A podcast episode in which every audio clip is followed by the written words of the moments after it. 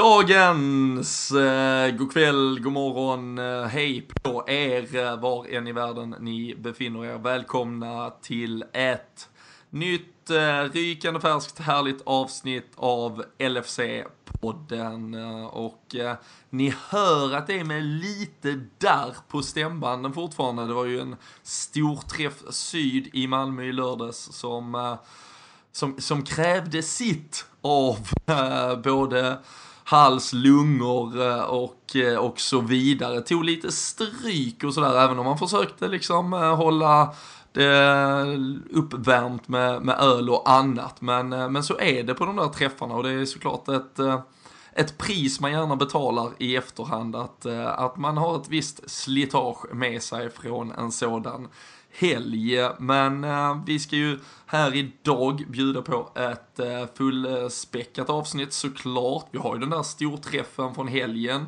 Vi ska berätta lite om jag var där. Daniel Forsell som strax kliver in i handlingarna var där och eh, John Aldrich var där. Vi kommer att berätta lite om vad han tycker och tänker kring dagens Liverpool. Och eh, Dessutom såklart matchen mot Leicester, det som blev en 3-2-seger, det som krävde en straffräddning. Och eh, så möter vi ju eh, Spartak Moskva i Champions League redan imorgon kväll, tisdag här alltså 20.45. Så det är ju, eller ja, det är kanske idag nästan när ni lyssnar på det. Vi sitter ju sent måndag och spelar in. Så det är ju tajta bråda tider som Liverpools supporter och eh, till helgen sen väntar Newcastle och vi försöker, precis som i förra veckan, klämma in ett avsnitt om ett par dagar också. Kanske en, en liten kortare, bara sådär en halvlek eller någonting. Där ni får senaste nytt eh, så att man kan ladda om igen. Det är ju matcher som verkligen avlöser varandra hela tiden just nu. Men då är det tur att podden står starkt och eh, vi gör ju det tillsammans med LFC.nu, eh, svenska supporterklubben som finns där dagligen och till exempel summeringar från Jörgen Klopps presskonferens inför Spartak Moskva och statistik, annat spännande hittar ni ju där, så se till att hålla er uppdaterade löpande. Men eh, Daniel Forsell har jag flaggat för, finns med oss. Eh, Kalle Sundqvist, du gör triangeln komplett. Eh, du fick eh, se matchen hemifrån senast. Hur mycket önskade du att du var i Malmö istället? Nej, oerhört mycket. Eh, det var ju nära där på, på torsdag eller fredagskvällen till och med att man klickade hem ett flyg till, till Köpenhamn och sen till Malmö där på, på lördag morgonen. Men eh, sen kom förståndet ikapp lite grann. Eh, och man blev kvar på hemmaplan. Det är skönt att höra att ni lever också, båda ja, två. Jag har bara hört dig än så länge, men jag tror Danne lever också. Så att det... Vi inväntar bekräftelse. Ja. Nej, men det är klart att man gärna hade varit nere i Malmö, men eh, det blir fler gånger.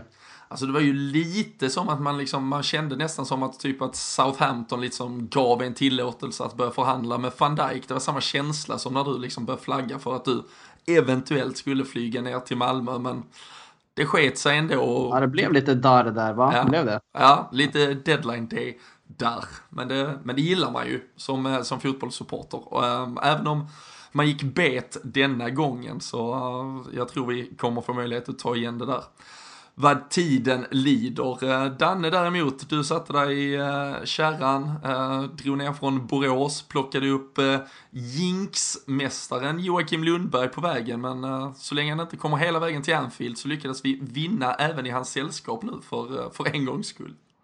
Ja, det är väl trevligt. När man eh, väl åker dit brukar det ju vara lite tuffare när man har med sig Jocke, men vi kanske får hålla oss eh, med att han får åka med när det är på, på svensk mark. Man ska ju tillägga också att Kalle skickade en bild på hur lång tid det skulle ta att åka till Borås också och mellanlanda hos mig på vägen ner. Så det är stora insatser från Norrland som är nära på att komma där faktiskt. Eh, det var ju, det var ju synd att det inte blev så denna gången men... Eh, vi har ju fan längre än Aldrich dit. Tidsmässigt är det ju garanterat det i alla fall. Ja, när, när, när Kalle börjar dra upp sådana här jävla vägkartor så är det ju liksom, man vet ju att man själv hade kunnat vända bilen ner till Spanien ungefär på samma, på samma avstånd liksom. Nej.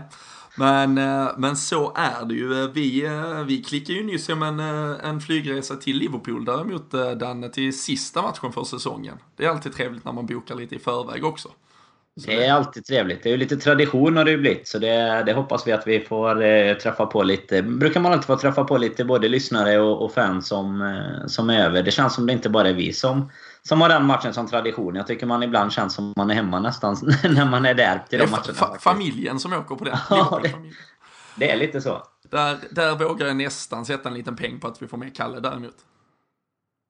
Ja, det, det är garanti på det. Det, det är vinstgaranti på det. Snyggt. Ja. Men eh, Danne, ska du eh, dra lite eh, känslor kring för det första John Aldrich?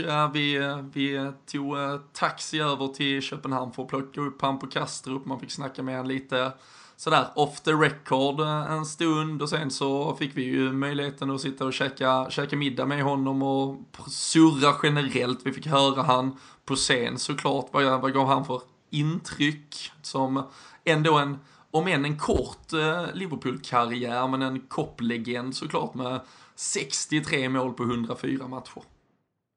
Ja, absolut. En, en man som har mycket intressant att berätta. Otroligt trevlig och ödmjuk tycker jag. Det, det ska han ha en stor eloge för att han verkligen tar sig tid. Eh, det gör väl givetvis de flesta av, av de här legenderna som kommer. Men det är ändå sådär att eh, ta sig tid till alla och prata och, och få svara på frågor och, och sådär. För eh, det kanske inte är just våran generation, eh, om man säger vi som sitter här just nu, som minns Aldrich bäst. Utan det är såklart de som är lite äldre än oss som har upplevt honom eh, mer från, från nära håll då, även om man givetvis har, har koll på allt som han har presterat i Liverpool. Och, och i andra klubbar är det ju kanske framförallt han har gjort stora avtryck tidsmässigt. Men precis som du är inne på så, så gjorde han ju ett väldigt intryck i Liverpool eh, under en väldigt bra tid också såklart. Så eh, det, det underlättar givetvis om man, ska, om man ska bli legend i klubben att man eh, inte bara gör målen utan att man gör dem i, under rätt år om man säger då när, när klubben går bra. Men nej, verkligen jättetrevlig och, och jäkligt rolig att ha diskussioner med. Det tog, jag tyckte det tog kanske 10 minuter i taxin innan det kändes som att man satt och snackade med med vem som helst. Liksom, eh, lite samma eh, känsla känns det som, som de flesta supportrarna har kring försvarsspel. Och vi kommer ju komma in mer på det kanske, vad han, vad han sa under matchen och sådär. Mm. Men eh, vi pratade lite om Coutinho-storyn och sådär. Och, och, han fick ju berätta för eh, alla i samlad trupp där också på storträffen sen eh, på en liten sån Q&A typ. Vad, vad han hade för syn på dagens trupp och sådär. Och känns väl som att eh, det verkligen är en av eh, supportrarna till klubben. Även om han har lite mer insyn då kanske än vad, än vad många har såklart i och med att han jobbar, fortfarande jobbar tätt ihop som, som ambassadör då. Mm. Nej, det är ju, och det, och det är väldigt, jag tycker det är väldigt befriande som, som sagt, jag tror vi vi kan ju ibland föra att vi är liksom lite negativa och da, da, da, och det, det, är ju också, det, det, blir ju såklart så eftersom vi är det ut i det här forumet. Vi, vi har ju turen att faktiskt sitter folk där ute och lyssnar på det vi säger och så här, men, men även som du då nämner en, en John Aldrich med den historiken i Liverpool med, med till och med titeln han bär idag som en av klubbens ambassadörer. Han anordnar olika charities och så vidare ut och liksom ändå brandar klubben världen över även han är ju liksom, liksom mänsklig nog att liksom sitta och förbanna sig över exakt samma saker som, som vi sitter här vecka in och vecka ut och förbannar sig över. Jag vet inte, Kalle, nu liksom, du var inte här, men tror, tror du inte all, vi alla liksom egentligen är lite likadana, just när man vill så mycket för Liverpool och det här med att Ja, man, man liksom, det är klart man älskar alla, stöttar alla hela tiden, men det här med att man blir förbannad hela tiden. Tror du inte det liksom krävs egentligen i en klubb så, som vill nå framåt? Så tror jag absolut att det är.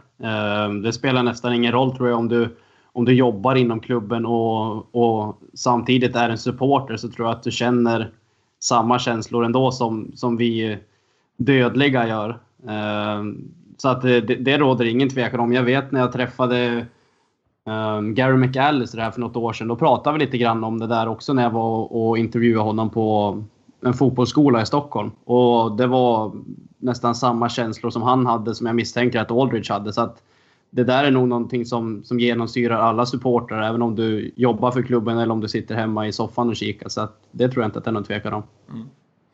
Vi, vi kommer säkert eh, snudda vid i olika liksom, tankar, eh, infallsvinklar han hade lite löpande under tiden vi pratar igenom det som som sen då komma skulle i matchen där mot eh, Leicester. Eh, men Kalle, vi kan, vi kan fortsätta med det. Vi kan börja med det när du tog emot startelvan där, där hemma. Det var en Joe Gomez som då var utputtad igen till högerbacksplatsen. Det var en Dejan Lovren som klev in tillsammans med Joel Matip.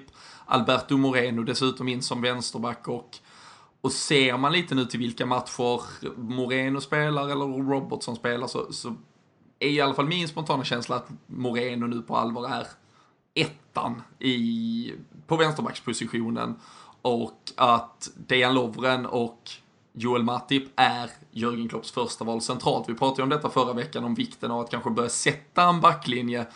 Nu kommer han tvingas till ett högerbacksbyte mot Spartak på grund av Joe Gomes avstängning, men, men tror du någonstans att det här ändå är till mångt och mycket det laget och egentligen också mittfält och, och anfall framåt. Det är egentligen bara en Sadio Mané som ska in där tror jag. Var det här ändå Liverpools för stunden ändå bästa lag som vi kan ställa ut? Ja, men det tror jag. Eh, och om man ska se till backlinjen speciellt så tror jag att det var mer eller mindre den här backlinjen som han hade klart för sig när, när säsongen drog igång. Ehm, det var kanske lite ovisst hur, hur pass snabbt Robertson skulle komma in i laget och Moreno räddade ju sig själv där med en, med en jättebra försäsong. Ehm, men eh, vad det gäller mittbackarna så är det ju Matip och Lovren som de känns som Klopps givna första, första val. Ehm, sen tror jag att vi kommer kunna få se lite rullians på, på högerbacksplatsen mellan Joe Gomez och, och Trent. Men annars tror jag att det är, som du nämnde, även mittfältet också. Ehm, han var ute och pratade senast idag, tror jag jag läste någon intervju med Klopp, att, eh, att det är ganska svårt. Att han vet att Milner jättegärna vill spela, Sturridge vill jättegärna spela och, och Chamberlain vill också jättegärna spela. Och de är oerhört nära, men de är inte riktigt där. Eh, och lite det talar väl för att han har sin tydliga startelva klar för sig egentligen. Eh, Troligtvis dock nu en av, om vi säger Sean Wijnaldum Henderson som måste bort om man ska pilla ner Coutinho ett, ett snäpp för att få in mm. alla tre offensiva. Mm. Då är, jag tror faktiskt att Wijnaldum får kliva lite åt sidan där då. Eh, över, över, tid kommer han inte peta Henderson som hade en, hade en jättebra match nu mot Leicester. Det kommer vi säkert återkomma till. Och sen eh, tror jag att han har svårt att, att sätta Chan på sidan också. Eh. Mm.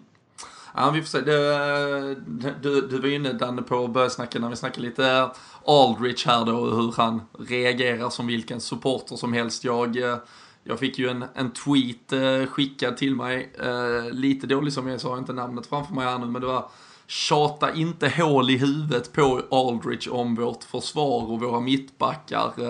Lite sådär en, en syrlig passning såklart till att man har varit ganska kritisk, men det tog John Aldridge ungefär fyra minuter väldigt oprovocerat innan han skrek ut att Lovren is fucking useless. Uh, efter att han hade upphävt en offside först uh, så de kom runt på kanten och sen stod han och sov när, jag tror det var Riyad Mahrez sprang in bakom ryggen på honom och var nära att ge Leicester ledningen. Det, det, det var väl liksom ett ganska tidigt bevis på det där med att supporterskapet lever även i honom till exempel.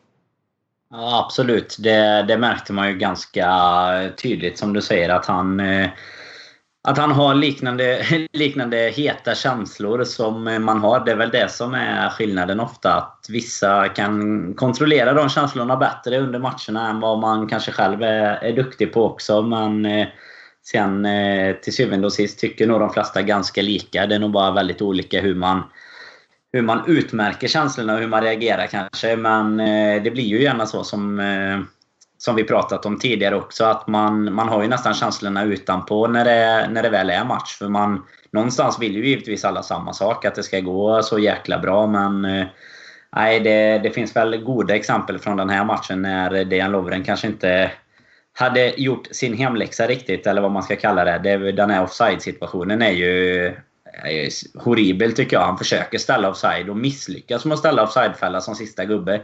Och bjuder på ett friläge i stort sett då. Som tur är kommer ju Wardy lite snett ifrån kanske så att Mignolet kan ta den. Men eh, nej, fy fasen. Så, så får man inte agera.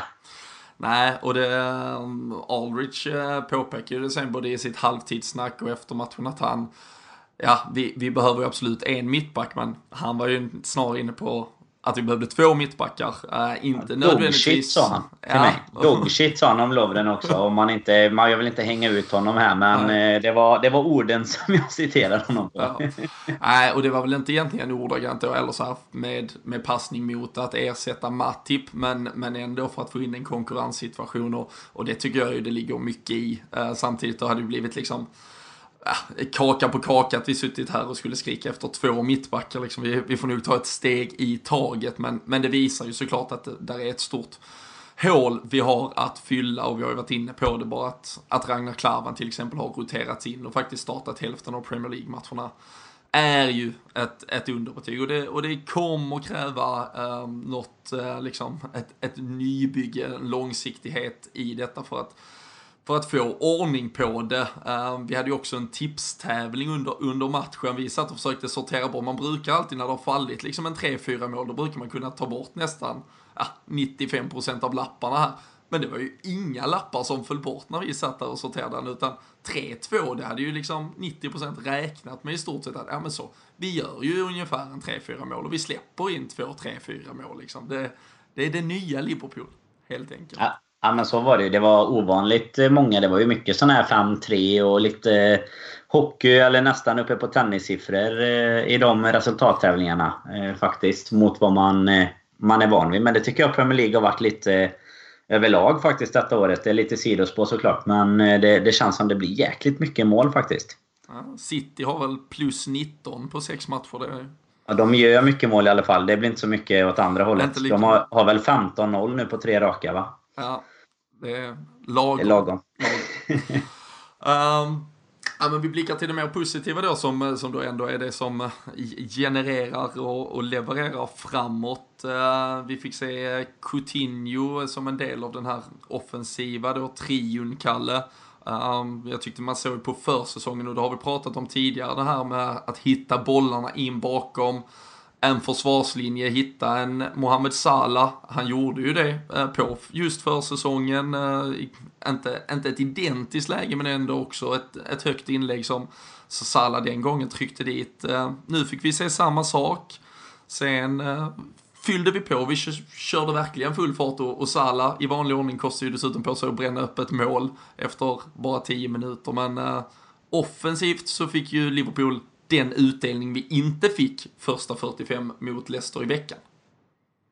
Ja, absolut, det fick vi. Eh, och Coutinho kom ju till mycket lägen då också, eh, när vi mötte dem i, tidigare i veckan, men eh, han har lite, lite bättre killar med sig den här gången. Han var lite hetare själv också. Ehm, som du sa, ett samspel mellan dem såg vi många gånger på försäsongen och jag tror att det kommer kunna bygga upp ett stort hot mot uh, motståndarlagen under säsongen. Både samspelet mellan Coutinho och Salah och uh, Coutinho Mané. Så att uh, vi kommer kunna hota på, på många plan där. Och det är skönt att se Coutinho tillbaka i action nu också. Nu, nu är han tillbaka i fin form. Han var fantastiskt bra under försäsongen.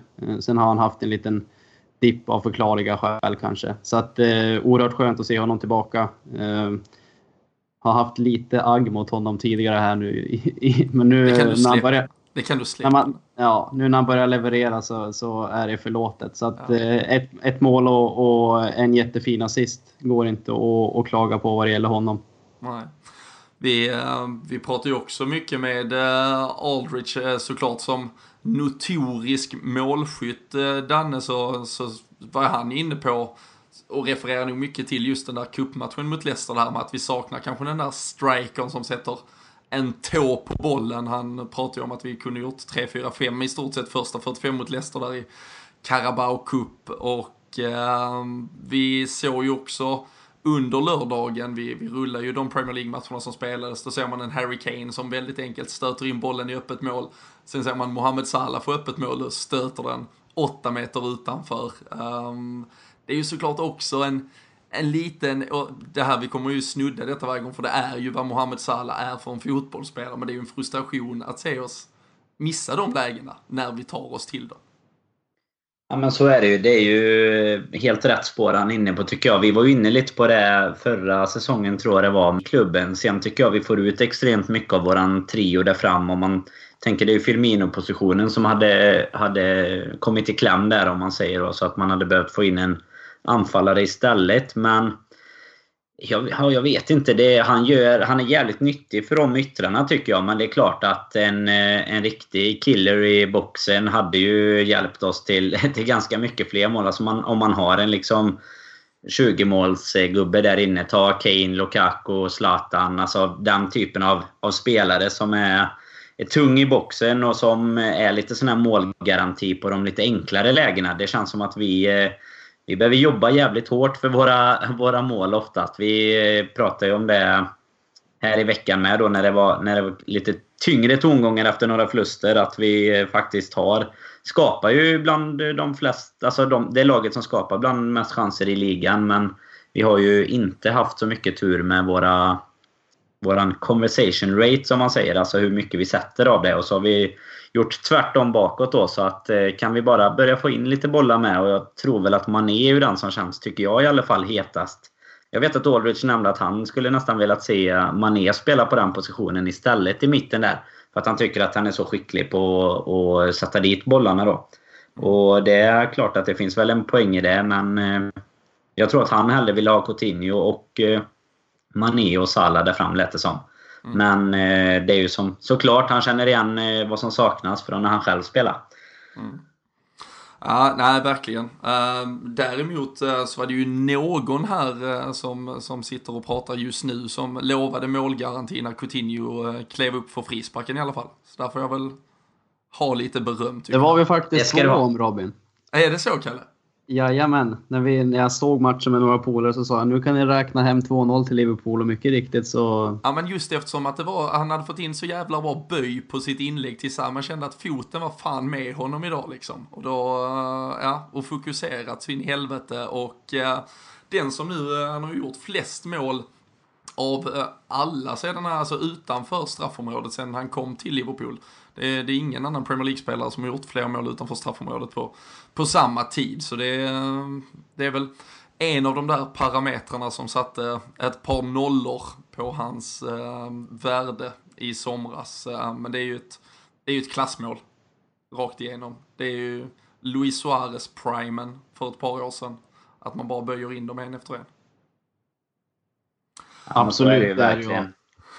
Det, det, är bra att ni är eniga. Ni, ni tar ett djupt andetag för att sen vara helt, helt eniga med mig. Uh, ja, men det, det, är ju vackert. Alltså, det är ju så man vill ha honom. Är han i form så, så sätter han många av dem. Ja. Eh, som du är inne på, Luis Suarez är väl det närmaste vi kommer. Även om Gerard har sin beskärda del av eh, frisparksmål. Men just den knorren på bollen är ju... Det känns som det här lite unika som, som de, eh, Suarez och Coutinho med några till lyckas. Eh, och det är fan inte många som tar dem. Alltså det, du kan nästan stå rätt eh, och ställa upp din mur rätt. Men får de väl till dem så, så hjälper det fasen inte alltså.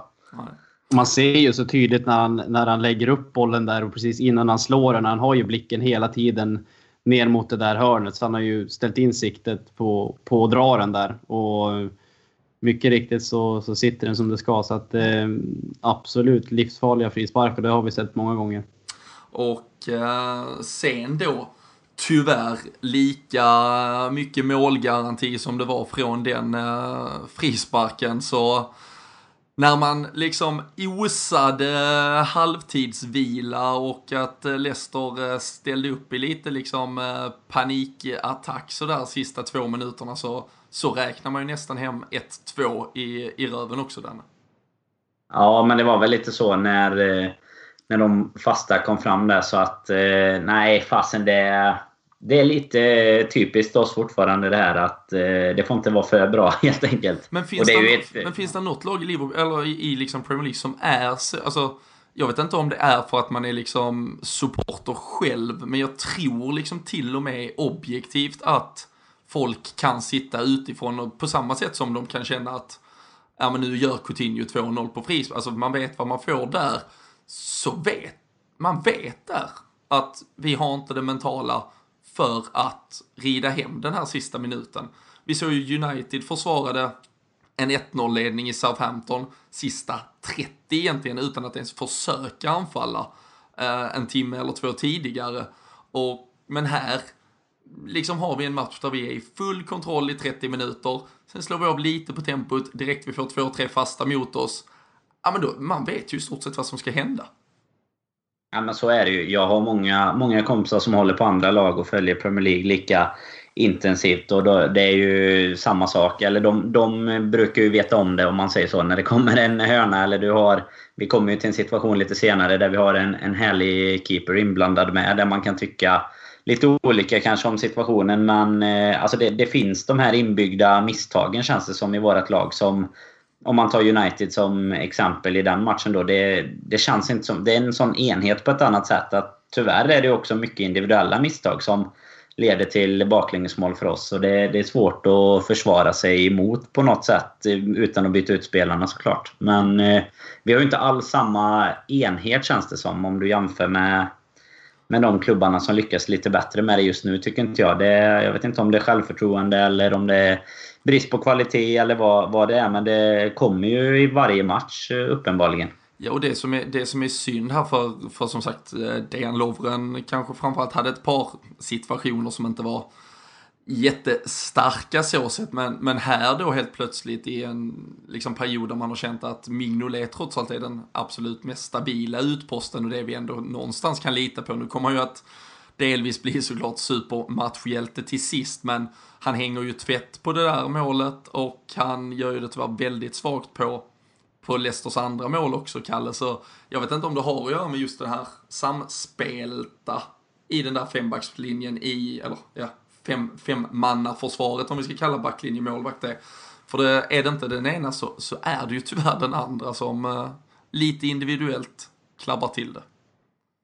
Absolut, och, och sen, sen, jag tror ju mycket av det där är mentalt. Man får ju tänka på att de är bara människor de också. Mm. mycket sitter sitter i, dig, sitter i skallen att vet man att ah, fan, nu kan vi släppa in ett mål här, då är det mycket troligt att det kommer bli så också. Så att eh, jag tror helt klart brister i kvaliteten många gånger också, men eh, det är mer mentalt än vad man tror. Ehm, vad det gäller Mignolet så kände man väl att det var just den här biten som han, de misstagen han gjorde den här matchen kanske som man hade förbättrat allra mest. Att verkligen komma ut på på hörnor och frisparkar och, och visa den här pondusen i straffområdet. Nu blev jag visserligen fasthållen lite grann där av Okazaki tror jag det är, men samtidigt det, det är Premier League. Ska man plocka sånt så, så skulle det inte få slås en frispark i hela ligan. Så att det, det är någonting man måste acceptera bara. Så att... Eh, ja. Mm. Nej.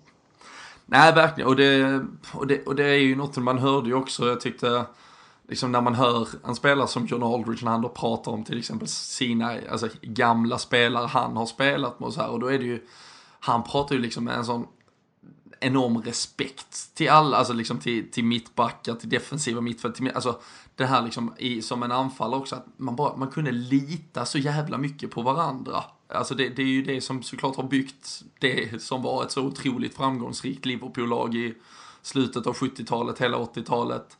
Och eh, där är ju, som du nämner, den mentala biten att man inte jag, jag kan ju inte tänka mig att, tyvärr, att liksom Sadio Mané efter att ha gjort 2-0 känner att, ah, men vet ni vad, nu, nu kan jag lita på att backlinjen dammar av detta. Eller att, nej ah, men jag kan nog lita på att vår målvakt bara, han bara låser, han låser luckan idag liksom. Och ehm, det är ju klart att tills den dagen att vi liksom får tio matcher där det här sitter, där vi får en, en, liksom en mediabild, en, en supporterbild som, som plötsligt börjar skrivas om, så, så kommer vi behöva leva i det. Och eh, det är väl där jag tycker diskussionen måste vara någonstans om, om, om det ens är möjligt att göra det med de spelarna som är där, om detta är något man ens kan träna sig ur. Uh, för man kan lära sig många saker, men den mentala biten av det vet jag inte om man kan, kan ta sig från. Så eh, det är ju eh, det är såklart en, en tuff uppgift och eh, det var ju ett psykologiskt jättetungt mål såklart med, med 2-1 precis före halvtidsvilan. Och eh, ett Liverpool som då fick lämna liksom King Power Stadium där till pausvilan med, med hängande huvuden trots att man leder liksom och har gjort en riktigt, riktigt fin match. Och där var man lite orolig den att vi, att det skulle bli en ihop liksom genomklappning. Men man får väl ändå ge Liverpool lite beröm här tycker jag. Att man kom ut och faktiskt spelade ett lite mer kontrollerat spel i början av andra halvlek. Något man, något man inte har, har för vana att se oss kunna göra. Ja, men så är det ju. Det är ju en eloge till, eh, till Klopp, eller till laget, att man eh, ändå lyckas samla sig. Eh, det är ju jävligt tufft alltså att släppa in det målet. För det är ju också, än mer än vad det är negativt för, för oss, så är det ju givetvis en tändvätska för Leicester att känna att nu är vi bara ett mål mm. ifrån. Och hemmapubliken i ryggen och, och allt det här. Eh, så det, absolut, det tycker jag vi kontrollerar ganska bra under första perioden i andra halvlek. Så det känns som att då får man bara ja, men 10 minuter eller någonting av, av lite normalt spel om man säger så. Så är man ju inne i matchen igen och det är ju otroligt viktigt att man inte kommer ut och så efter fyra minuter så står det 2-2 där liksom. För då, då är det tufft att hämta sig sen.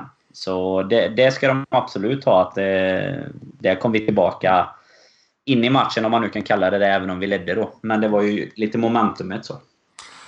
Firmino eh, klev jag av banan sen, var, var ganska svag, eh, är väl min personliga, men jag tror att det var en ganska eh, genomsyrande eh, analys av hans eh, insats just i lördags. Eh, Sturridge kom in istället, eh, driver ju upp spelet väldigt bra sen till det som blir ett eh, 3-1 mål och eh, du var inne på det Kalle, att eh, Jordan Henderson kändes kändes lite löpstarkare och lite mer liksom villig i att ta sig in i situationer på ett annat sätt. Eh, och, och säkerligen, om vi återigen pratar psykologi och mentalitet, ett, ett viktigt mål så på många sätt för honom. Man såg att det var lite, det var nog fan en och annan liksom pulsåder som smällde där när han satte dit den. Han var, det betyder mycket för honom.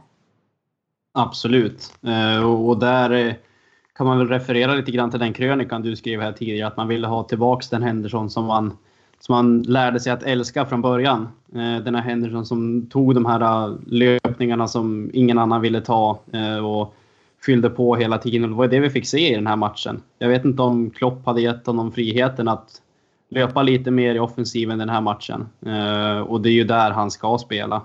Så att eh, absolut jätteviktigt psykologiskt mål för honom framför allt efter den här tunga, tunga säsongen som han har haft hittills. Det har bara gått några matcher nu men jag såg en eh, studie där, jag tror det var BT Sports, efter matchen när det var Ferdinand och, och, Hen eller, och Gerard som satt där. Eh, och Gerard framförallt berömde Henderson jättemycket för den här matchen han, som han gjorde nu mot Leicester och han var väl inne på samma spår egentligen som som dels du var inne på. Han hade också läst min krönika helt enkelt.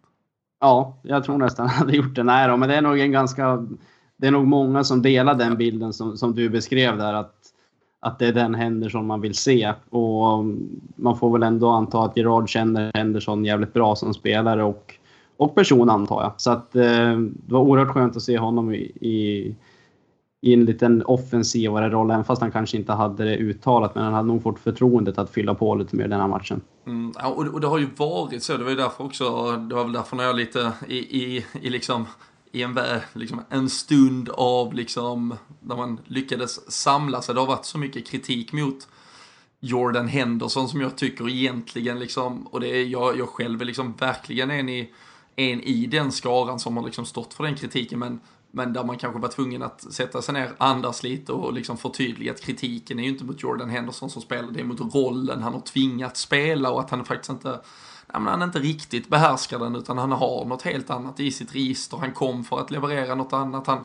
han är nog ämmad att spela fotboll på ett helt annat sätt. Han, han kan fylla den här luckan i stunder men, men det är inte den långsiktigt bästa lösningen. Han är liksom inte en Javier Mascherano och och liksom det, det som vårt mittbackspar och det vårt försvar verkligen behöver är ju att få den hjälpen och det, det är inte Jordan Henderson som ska bistå den hjälpen tycker jag utan han ska, han ska få göra det han är bra på.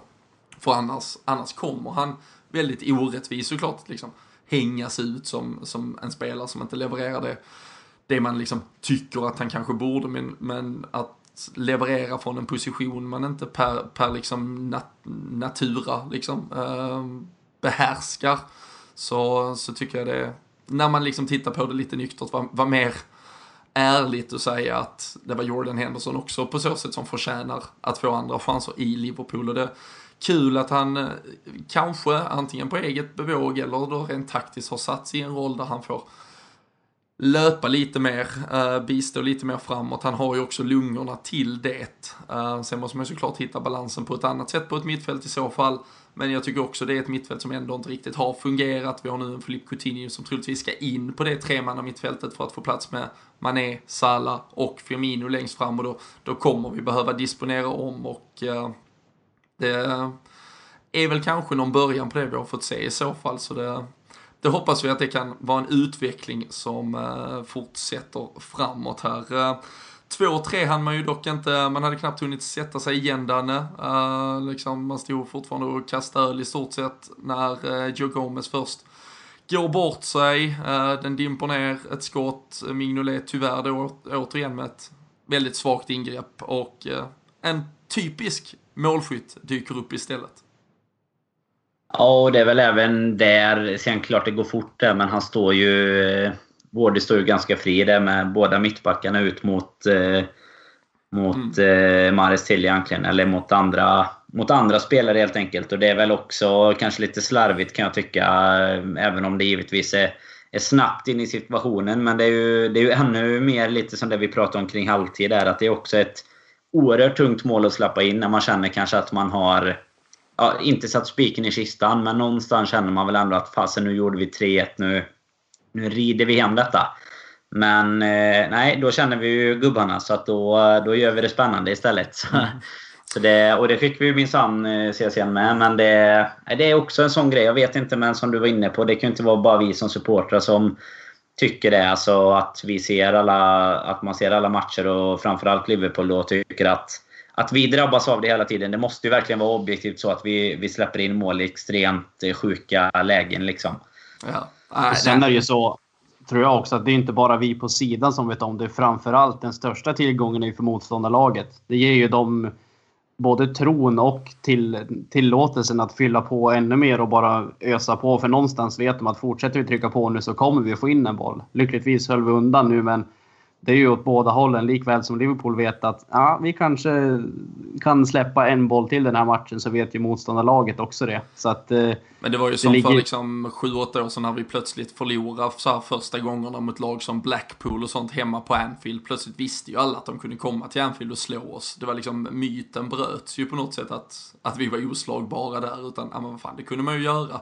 Så börjar alla spela en fotboll, så det, det, du är inne på helt rätt spår där med den här ja, mentaliteten återigen som, eh, som, som blir så jäkla viktig i fotboll. Eh, kontra om man liksom vet att ah, äh, 3-1 det är game over mot Liverpool. De, släpper all, de har aldrig släppt in två mål i, i, liksom, i sina karriärer de här grabbarna. Men äh, det, det, är klart det ger blodad tand.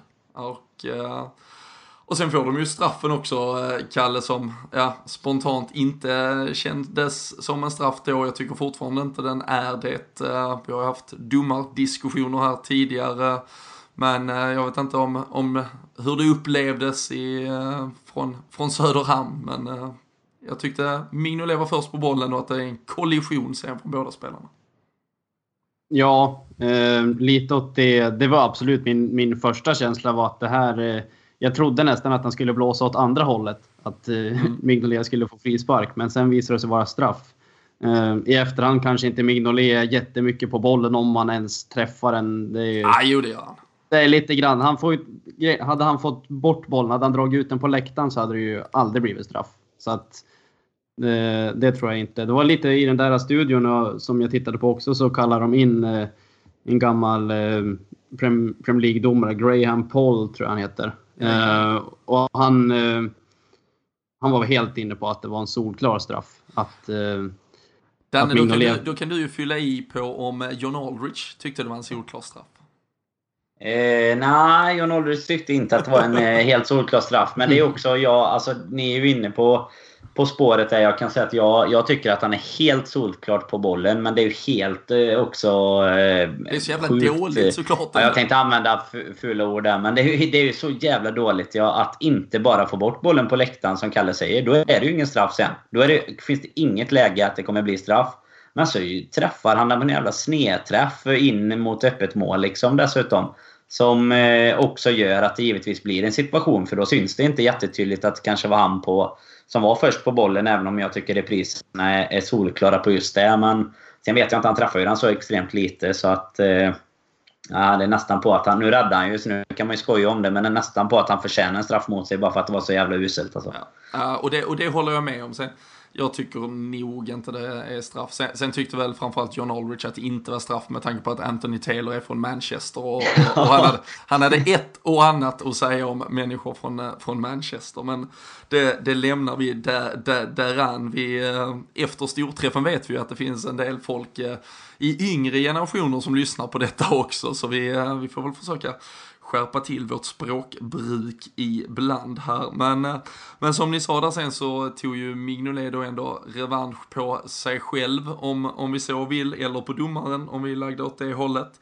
Och eh, har nu alltså räddat eh, 8 av 21 eh, straffar han har fått mot sig eh, sen han drog på sig Liverpool-tröjan. Han inledde ju karriären med en straffräddning mot eh, Stoke där säsongen 13-14 som sen verkligen satte färd mot, eh, mot något helt fantastiskt och eh, ja, men generellt såklart byggts upp eh, till en riktig jävla fantom i, i målet när det gäller från 11 meter. Vi, man såg ju Vardys skottstatistik var den brukar hamna väldigt central avslutare från straffpunkten sett till hur en straffskytt kanske generellt normalt har sin fördelning och det hade ju uppenbarligen Mignolet läst på här också, Kalle, och liksom står ju, halv, liksom står ju kvar ganska centralt och liksom plockar den på, på kraften. Som, som annars direkt eh, säljer han sig i ett hörn där så, så är det ju mål. 99 procent. Det ja. är väl nästan en målvaktstränarhyllning vi får sticka in efter fem år av kritik mot John Achterberg. Ja, det, det ska han fan mig ha. Men så tror jag absolut att eh, alla målvakter och deras tränare jobbar. De, de vet ju att blir det straff i den här matchen så kommer den här spelaren ta den. Så att de, de pluggar givetvis på vart, vart straffarna kommer. Eh, sen lägger väl Varder den där kanske... Ska man gå på kraft så kanske man ska göra det lite mer på Frank Lampard. Man neddrar den stenhårt rakt upp i nättaket bara för att eh, då då är det stor chans att den sitter. Eh, men han lägger den ju jävligt snällt, i en snäll höjd. Mignolet kan ju nästan bara tippa omkull och, och hålla undan den där. Mm. Men eh, man ska absolut inte ta någonting, någonting från Mignolet för att han är en fantastisk straffmålvakt. Och det, det har han verkligen bevisat nu. Så att man ska inte säga att, att det känns lite tryggt när vi får en straff emot oss, för det är det absolut inte. Men man känner ändå att... Men det är det åtminstone är... tryggare än när vi får en hörna emot oss i alla fall. Så mycket kan ja, men, ja, men det är det ju nästan. Han har, alltså, alltså, han har ju alltså 38% räddningsstatistik. Han räddar ju mer än var tredje då på 21 stycken sedan han kom till Liverpool. Uh, sen säsongstarten förra säsongen, då 16-17, då har han räddat 4 av 7, så han är ju mer än 50% i de senaste här, eller ett och ett halvt åren snart. Det är fan den en straffräddning till dessutom, om man plussar ihop dem han plockade i Sunderland så, så är han mest, eh, eller då tangerar han Uh, Jorgelio Gomez, uh, Watford-keepern är han väl nu fortfarande, tidigare Tottenham. Han har 11 mm. i sina dagar. Det kan Migge också kliva upp på, så det är klart han är en specialist. Ja, men det får man ju säga. Det, det är ju faktiskt så konstigt nog med, med alla andra flås som han ändå har, som man tycker då, så är ju det kanske det, det läget som ni är inne på. Man känner sig som mest hoppfull inför, även om en straff alltid är en straff. Men eh, nej, det har han eh, bevisat. Sen att det är just mot Wardy också är ju, är ju härligt eftersom Wardy har ju Liverpool som absolut favoritmotståndare känns det som. Jag tror det var mm. sjätte målet på fyra senaste Premier League-matcherna mot oss. Eh, så att han... Eh, han, det är också en mental bit. Liksom. Han vet att han gör mycket mål på. Så att, eh, nej, riktigt eh, skönt att han fick bli matchhjälte som han någonstans ändå då blir. Även om situationen innan är är vad den är så, så får man ändå ge han att det är extremt bra att rädda en straff i det läget. Och där, jag tycker det är ganska intressant. Vi, man minns ju för drygt två, tre år sedan tidigare, då pratade man ju mycket om varje gång Liverpool skulle möta de här stora, starka anfallarna, att det var liksom, ja, ah, det var det värsta som kunde hända, en Benteke. Det är ju kanske nästan nu idag faktiskt lite av en myt som lever kvar, för det är ju snarare de här kvicka, snabba idag än Vardy. Vi hade en Agüero som senast också gjorde sitt sjätte på sex försök mot Liverpool uh, var det väl. Nu Vardy som sagt gjort sex mål på fyra matcher. Uh, Aldrich uh, sa ju också det att det här är verkligen den värsta typen av anfallare för vårt försvar. De här snabba, kvicka, löpvilliga som liksom ställer frågor till försvaret, sticker i, både liksom ut mot ytterback, sticker in bakom. Vi hanterar inte det och, eh, och mycket riktigt så, så kommer han ju till det.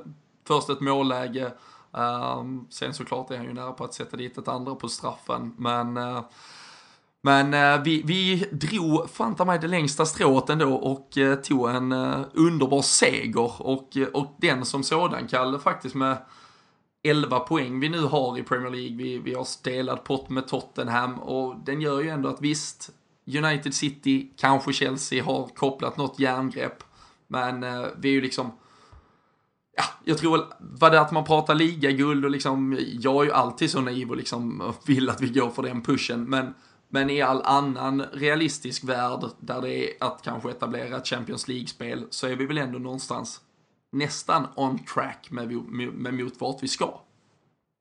Absolut, det tycker jag. Um, jag vet att jag satt och pratade om det efter matchen nu senast att eh, det ligger inte så, så dåligt till för att ha haft en eh, katastrofal inledning som många målar upp det till. Eh, sen har vi, vi har ju mött både Arsenal och, och City som många andra topplag har ju inte mött varandra heller. Det är väl bara Chelsea-Arsenal vad jag vet som har ställts mot varandra av de lagen som bör vara där uppe och slåss. Så att absolut ligger vi, ligger vi väl i fas egentligen tabellmässigt, även fast man, man alltid önskar lite mer. Men eh, någonstans så tycker jag ändå att vi, vi ligger bra till. Det tycker jag absolut. Mm. Har ju eh, Newcastle borta på söndag här eh, som vi flaggade för så så återkommer vi med, med något form av liksom lite Champions League-nersnack, ett litet uppsnack inför att vi ska hälsa på hos eh, Rafa Benitez och John Joe Shelby. Fan vilken match det kan bli där på söndag. Uh, där kan vi snacka rött kort kanske.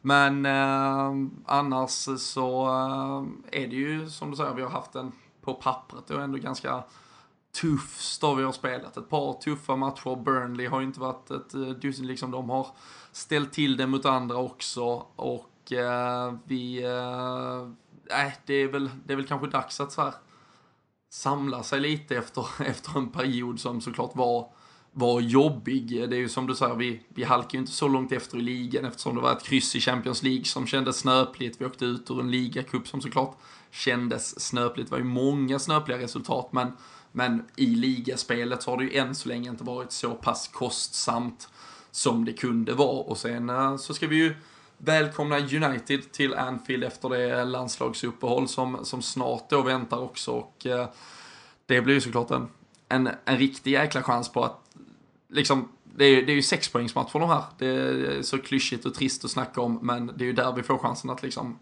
äta upp lite försprång. Om, eh, om nu det kommer behövas, eller det, det kommer behövas, men det är där de chanserna vi måste ta. Men jag tycker vi lämnar eh, Leicester-matchen där. Vi har ju dessutom eh, fått eh, mycket av det återberättat vad John Aldrich bjöd på eh, under storträffen. Eh, det var, eh, det var en, en jäkla bra dag i Malmö helt enkelt. Eh, det var ju en del supportrar som var i Kalmar också på Sam Dodds Cup. hoppas ni som var där om man lyssnar också hade en riktigt, riktigt fantastisk dag. Men, eh, men det är ju sådana här roliga grejer man kan vara med om ifall man är medlem i Svenska Supporterklubben.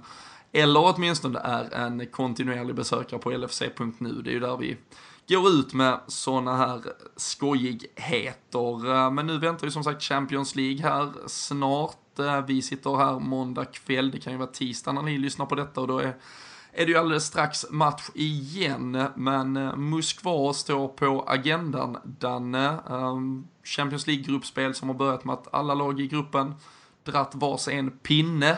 Och eh, Moskva borta är ju ingen dans eh, på moln, speciellt inte kanske stämningsmässigt. En, en galen publik som var i Slovenien senast och, och ställde till det nu är det Liverpool som ska dit och, och härja. Vad, vad tror du vi kan förvänta oss av Liverpool och vad tror du, tror du Klopp nu, utöver att han tvingas ta in troligtvis då en Alexander Arnold istället för Gomes, börjar försöka sätta sitt lag eller kommer han fortsätta rotera?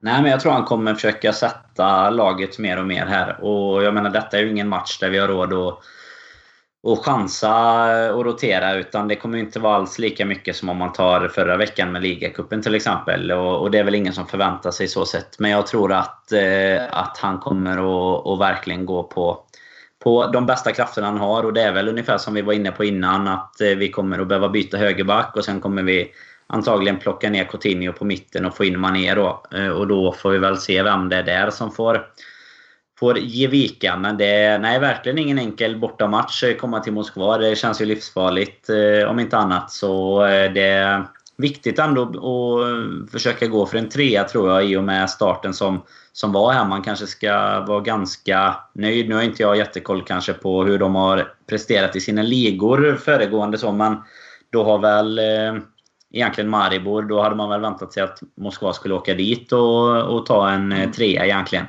Och nu eh, såklart då när de kryssar också så tror jag i alla fall att det ger vårat kryss eh, lite... Eh, alltså det gör det lite mer eh, okej okay, även om det, det var snöpligt som du var inne på innan. Men eh, absolut av yttersta vikt att ta poäng här i alla fall och försöka bygga någonting mot, mot resten av gruppen egentligen.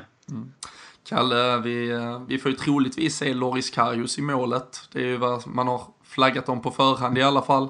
Hur, uh, hur, hur känns den här, vi, vi, vi ska inte bli långrandiga kring det, men är det inte just exakt det där vi inte behöver just nu egentligen?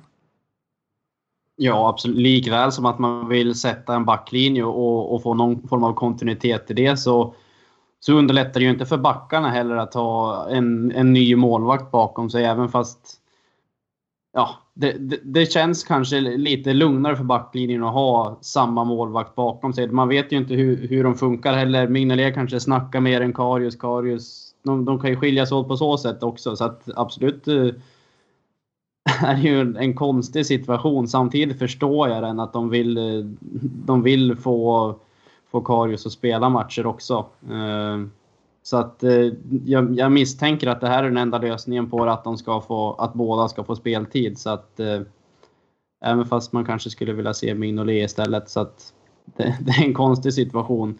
Och Danne var inne på att det är farligt att komma till Moskva. Jag, jag såg även att United möter CSKA borta på onsdag, så där ska vi kanske Champions League har en liten känga att de har schemalagt det så. Ja, men det är ju helt sjukt. Och, alltså, och, och, helt, i, och, i, och, i, december så kommer både CSKA och Spartak då till Liverpool slash Manchester över, över en härlig två dagars tripp också. Så då, vill ni se Liverpool så kan ni ju besöka det innan december känner jag spontant liksom, som en uppmaning.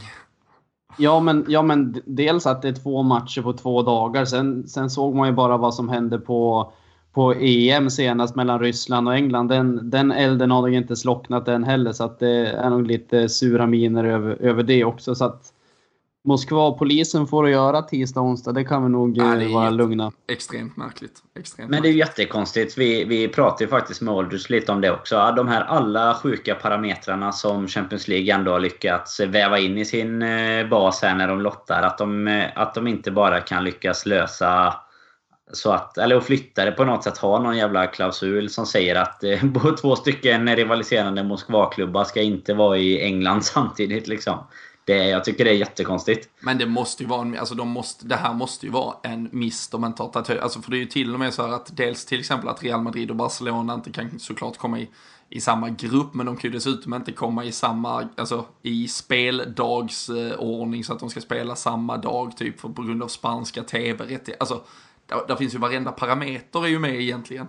Så det här är ju något de bör eh, beakta till, eh, till kommande säsong, absolut. Eh, vi får väl bara hoppas att det inte är ett år för sent de gör den ändringen och att vi får se massa hemska scener eh, i Moskva. Men, eh, men man vet ju tyvärr aldrig, eh, som, som Kalle nämner där, EM var ju ett bevis på att uh, all den där, uh, ja, huliganismen får vi väl tyvärr kalla den ändå, är liksom, inte är helt död än på, på läktarna. Så, uh, men vi, vi håller väl tummarna för att alla Liverpool-fans, alla fotbollsfans får, får bra dagar i Moskva oavsett ändamål, oavsett match man ska på.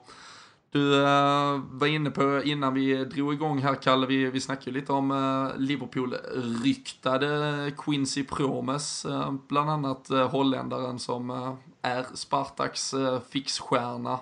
han ser ut att missa matchen och det, det är ju såklart spontant ett, ett plus för Liverpool.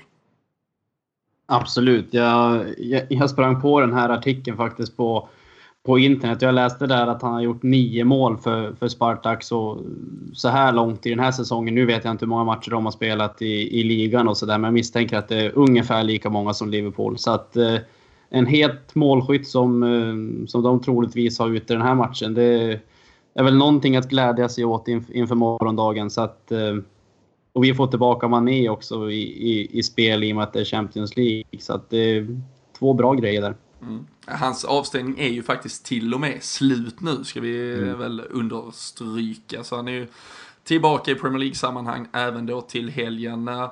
Kort där kring det Danne, vi har eh, totalt sett det var ett, ett växlande byte i Sevilla-matchen som eh, gav oss sju minuter med eh, Coutinho, Firmino, Salah, Mané. Det var ju en Firmino, eller en Coutinho förlåt, som som då också gjorde sin eh, debut igen, eller comeback efter alla skriverier och alla problem. Men eh, nu är ju chansen här tisdag kväll att vi får se dem rent av från start. Hur, eh, hur, hur sugen är man på att se det offensivt för Liverpool? Ja, men det känns ju inte jobbigt i alla fall, tycker jag inte.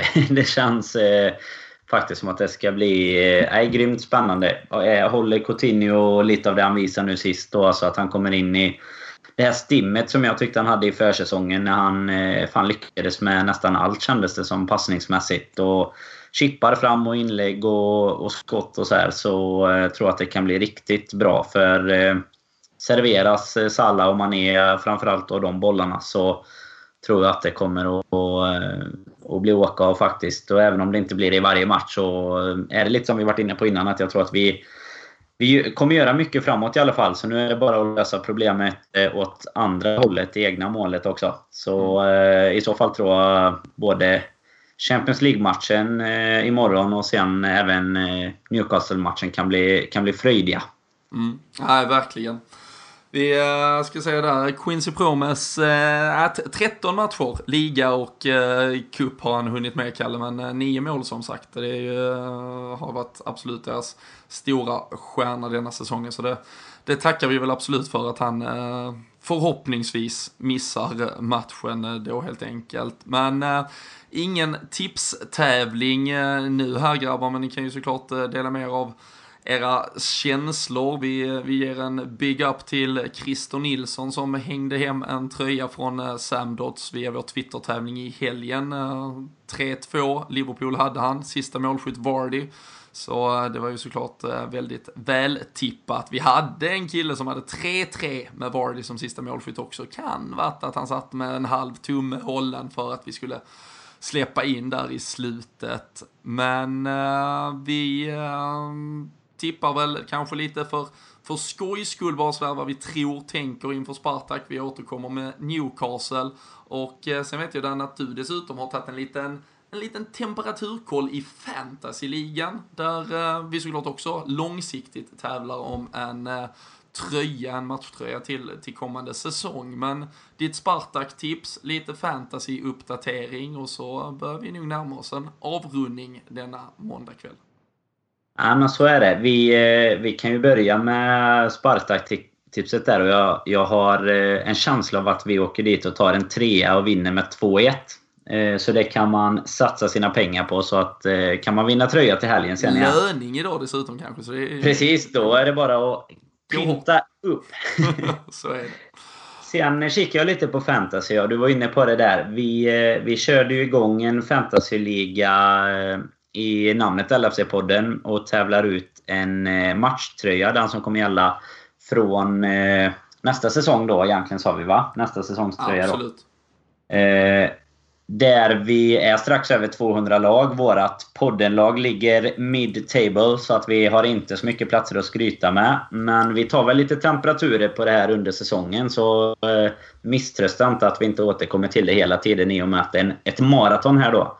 Men just nu i alla fall så leder Lars Wikman med sitt lag TSG 1337 Wikmanheim. Så det är lite TSG Hoffenheim där, eh, känner jag. Han kanske, det kanske var någon liten hyllning till dem efter att vi faktiskt eh, tog deras plats i, i Champions League. Så eh, nej, riktigt strångt. Han har, han har imponerat med sitt lag. Så att vi får väl se om poddenlaget kan komma ikapp och vinna tröjan eller om det blir Lars Wikman eller någon annan som gör det. Men det, vi kommer här. Rykten gör ju gällande att eh, lagansvarig eh, Kalle Sundqvist behöll eh, Filip Coutinho på vår fantasybänk i helgens match mot Leicester. Kan vi få en, kan vi få en kort kommentar på det, Kalle, och ditt eh, Spartak-tips innan vi knyter säcken här idag? Han är, han är utbytt till att börja med nu, men eh, han får kommentera det. Ja, det är viktigt. ja, jag vet inte vad någon bra anledning må jag väl hitta som, som Klopp gör många gånger när han ställs mot väggen. Uh, I ärlighetens namn så... Du, du är ju inte mediatränad hör vi. Nej. det är ju horribelt. I ärlighetens namn så har väl kanske det där uh, poddlaget uh, lite ramlat mellan stolarna. Men uh, Coutinho är inne igen nu, Harry Kane och Lukaku är på topp och de Gea mål. Så att podden kommer smygande. Uh, och det gör även tre poäng i Moskva. Jag var också inne på, på 2-1 faktiskt. Så att uh, jag får väl uh, utöka mitt tips till 3-1 då. För jag tror faktiskt vi tar tre poäng där i, i den kalla Moskva-kvällen. Mm. Snyggt. Ja, men jag, jag lite så här, såklart, vi ska ju slå på den stora hybris-trumman efter att vi har bärgat första segern på fem här. Men jag tror också det blir seger. 2-0 i Moskva. Så eh, en hållen nolla dessutom, men eh, alla som lyssnar här vet ju att jag har ett eh, liksom, oändligt överflöd av förtroende för vårt försvarsspel. Så det, det är självklart att vi, vi håller nollan 2-0 och tar en seger där. Men vi eh, avslutar med de orden. Vid, eh, vi kommer tillbaka under veckan. Eh, Newcastle väntar som sagt i helgen också. Söndag eftermiddag, sen söndagsmatch 17.30 tyckte jag mig se i kalendern. Så nej, ni hinner få mer podd under veckan. Men för nu, ta, ta hand om er, njut av veckan, njut av en förhoppad seger mot Spartak Moskva.